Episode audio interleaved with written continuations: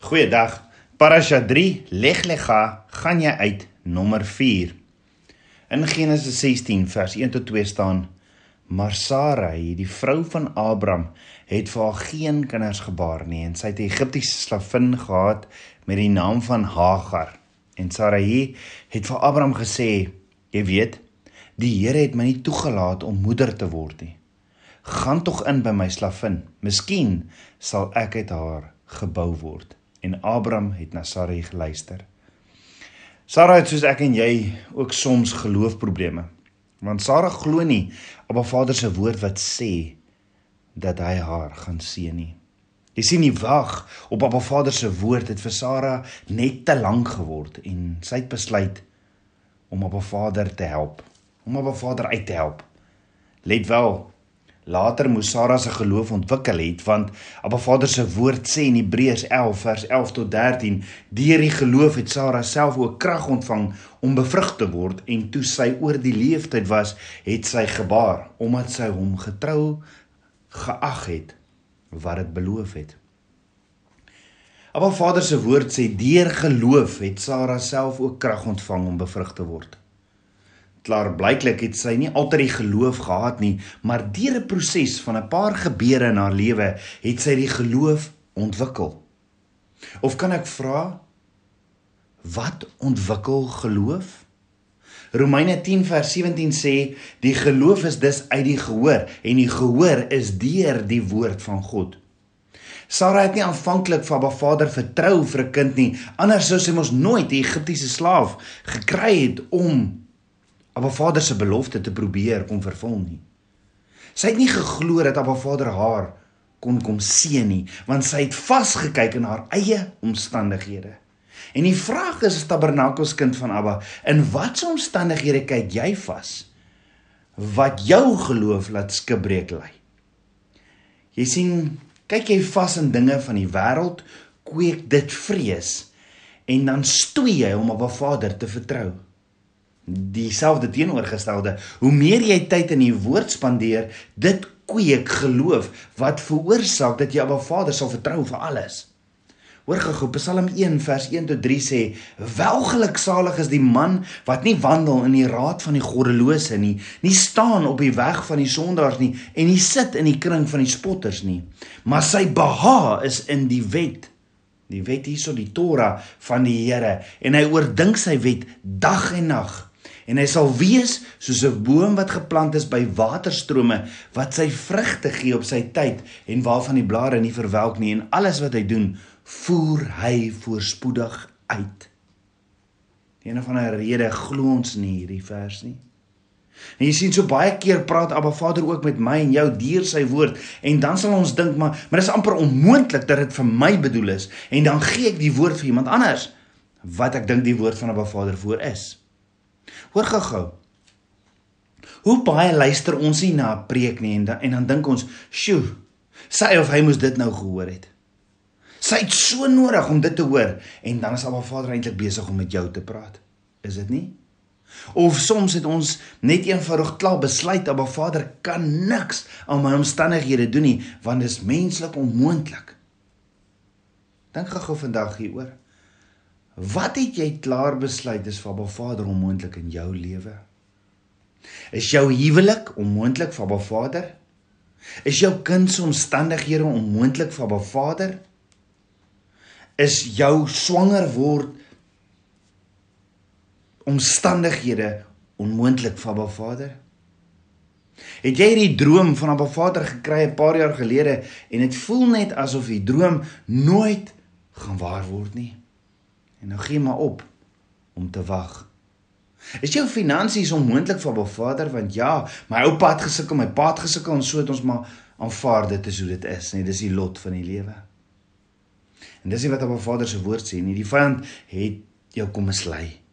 'n Vader se woord sê in Lukas 1 vers 37 want geen ding sal by God onmoontlik wees nie. So hoekom beperk ek en jy 'n Vader?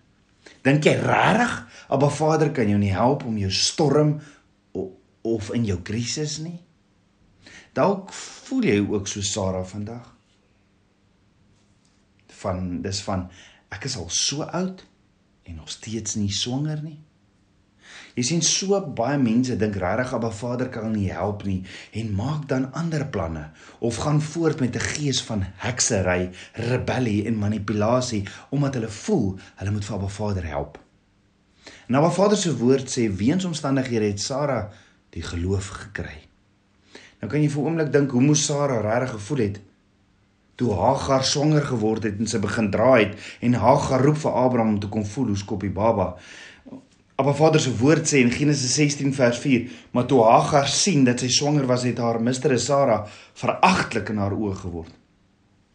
So kan jy dink wat sy jaloesie het Sara oor haarself gebring weens haar beheer issues. Net omdat sy nie vir Abba Vader vertrou het nie.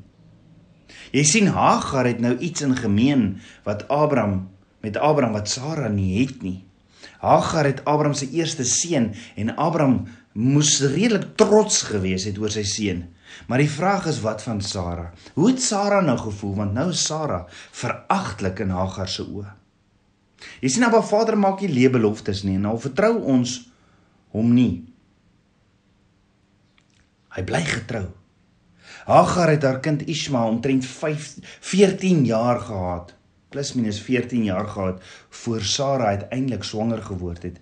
14 in Hebreëus beteken spiritual perfection.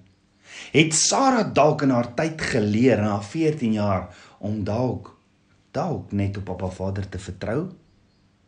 Maar die probleem is as ons probeer dinge in ons eie hande vat en nie wag en op Vader vertrou nie, het dit gevolge in die toekoms.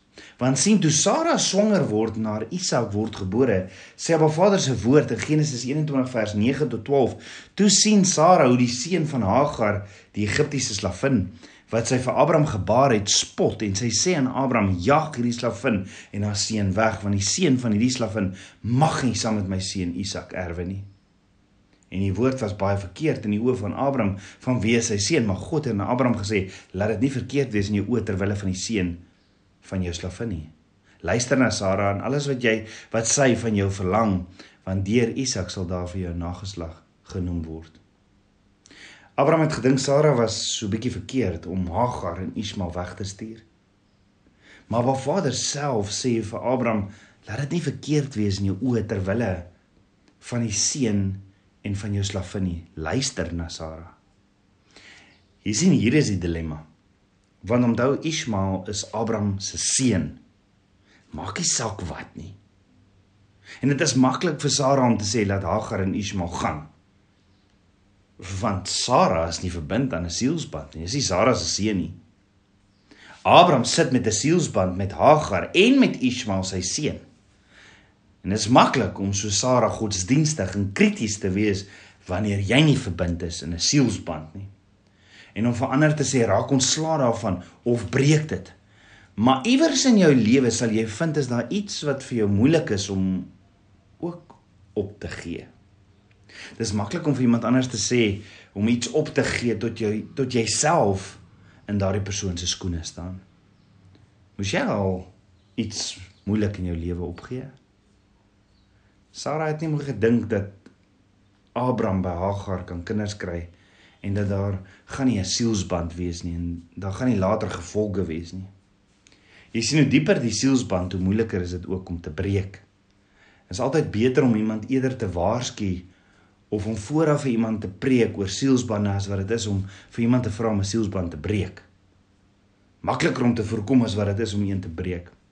Dit is ook altyd beter om eerder jou seer en jou juk by Baba Vader se voete neer te lê as wat dit is om op iemand se skouer te gaan huil waar jy dalk net daar vasgevang kan word in 'n sielsband. Nou Sara het nie tyd saam met Hagar spandeer soos wat Abraham het nie en, en hoe meer tyd Abraham saam met Hagar spandeer het, hoe meer en meer het Abraham aan hierdie sielsband verbind geraak. Hoor gehou. Wat leer Abba Vader my? Jy besef nooit hoe diep jy verbind is in jou hart aan iemand of aan iets tot Abba Vader vir jou vra om die verbintenis te breek nie. Jesus, dan is dit soos 'n ontploffing wat plaasvind binne in jou. Monet nie vir my sê dit nie. Inteendeel, hoeveel van ons is nie in een of ander verslawing gebind nie? Vat byvoorbeeld rook. So baie sal ons sê, ja, maar ek is nie gebind of verslaaf nie en dat jy enige tyd sal ophou tot die dag wat jy moet ophou. Dan besef jy eers hoe verslaaf en hoe gebind jy is. Net soos dit met 'n alkolikus. Hy sal altyd vir jou sê dat hy enige tyd sal ophou tot die dag wat hy moet ophou. Wat hy besef is so maklik nie. So kom vang hierdie gees van wel is ook Abba Vader se kinders in sy kloue met soveel goed soos byvoorbeeld pornografie.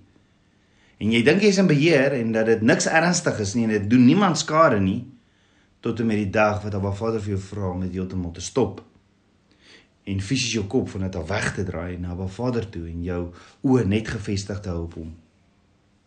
Jy besef nooit jy's verslaaf of so vasgebind aan iets tot en met jy dit moet stop nie. Jy sien jy kan gebind raak aan iemand of iets sonder dat jy werklik besef jy is verbind en aangekleef en dit bepaal of weerspreek jou lot en jou toekoms. Jy begin hierdie verbintenis verbintenis moontlik heel onskuldig en jy mag voel maar jy doen die regte ding. En 'n tydperk sal verloop tot op 'n dag wat daar 'n tromp op botsing plaasvind wat jou noodlot en Abba Vader jou vra om iets op te gee wat baie moeilik geword het om vir jou om op te gee. Abraham het by hierdie kruispunt van sy lewe gekom waar hy 'n verbintenis het, 'n sielsband wat hy nou moet stop. Let wel, Abraham se kruispunt is nie Sara se skuld nie. Sy het dalk bygedra tot dit tot tot sy probleem of tot hierdie kruispunt, maar Abba Vader het duidelik vir Abraham gesê en Abba Vader sê vir Ab vir Abraham in Genesis 15 vers 4 tot 5 die een wat uit jou liggaam sal voortkom Abraham hy sal jou erfgenaam wees met ander woorde Abraham het Abba Vader nie gehoorsaam of vertrou nie en dit het toe gevolge want sien ek dink nie dit wat dit was vir Abraham lekker om dit by Sara te hoor nie. En ek dink nie Abraham het ooit gedink dit is so big deal tot hy besef het en hy by Abba Vader self gehoor het hy hierdie sielsband moet breek nie. Dis nie vir enige van ons lekker om te hoor jy is verslaaf of jy is verbind nie. En nie een van ons dink dit is so erg vir vir ons of sien dit nie eens raak nie totdat Abba Vader vir jou vra om dit te stop. Dis soos wat bedoel jy hierdie emosionele verhouding met hierdie persoon is verkeerd? Ons is net vriende soos vir Abraham was dit glad nie lekker om hierdie te hoor nie. In die King James Bybel sê in Genesis 21 vers 11 and the thing was very grievous in Abraham's sight because of his son. Nou grievous beteken hy was gebreek. Hy was in twee gesplit en hy was by 'n baie groot kruispunt in sy lewe. En die vraag is en ek en jy Hoekom nie vandag vir die Heilige Gees vra om vir my en jou te wys Waar het ons dalk in die lewe per ongeluk of doelbewus in so sielsband betrokke geraak nie? Miskien deur 'n paar rampspoedige probleme wat in jou lewe gebeur het, het jy verbind geraak en nou dat die probleem verby is, bevind jy jouself in 'n situasie waar jy in 'n sielband is. Voel dit vanoggend vandag vir jou so? Ja, ek weet Heilige Gees het my gewys waar ek verbind is met iemand, dalk by die werk of waar ook al, en nou staan ek by hierdie kruispunt. En nou is dit van Abba Vader, hoe nou? Onthou Ismael was Abraham se seun. En die vraag is sal jy soos Abraham jou kop kan wegdraai van jou Ismael af van die sielsband in jou lewe en jou oor rig net op Abba Vader en hom vertrou? Abba Vader roep jou na die kruispunt toe vandag. Wat gaan jy doen? Kom ons bid saam. Abba Vader, skieper van my hart, ek loof en prys U. Vader, kom deur grond my hart, toets my en ken my gedagtes en kyk of daar by my 'n weg is van smart. En lei my op U weë. Was my met die waterbad van U woord en kom leef in my. U is die koning van my hart. Ek bid dit alles in Yeshua, Hamasieg se naam, die seun van Jahweh. Shalom.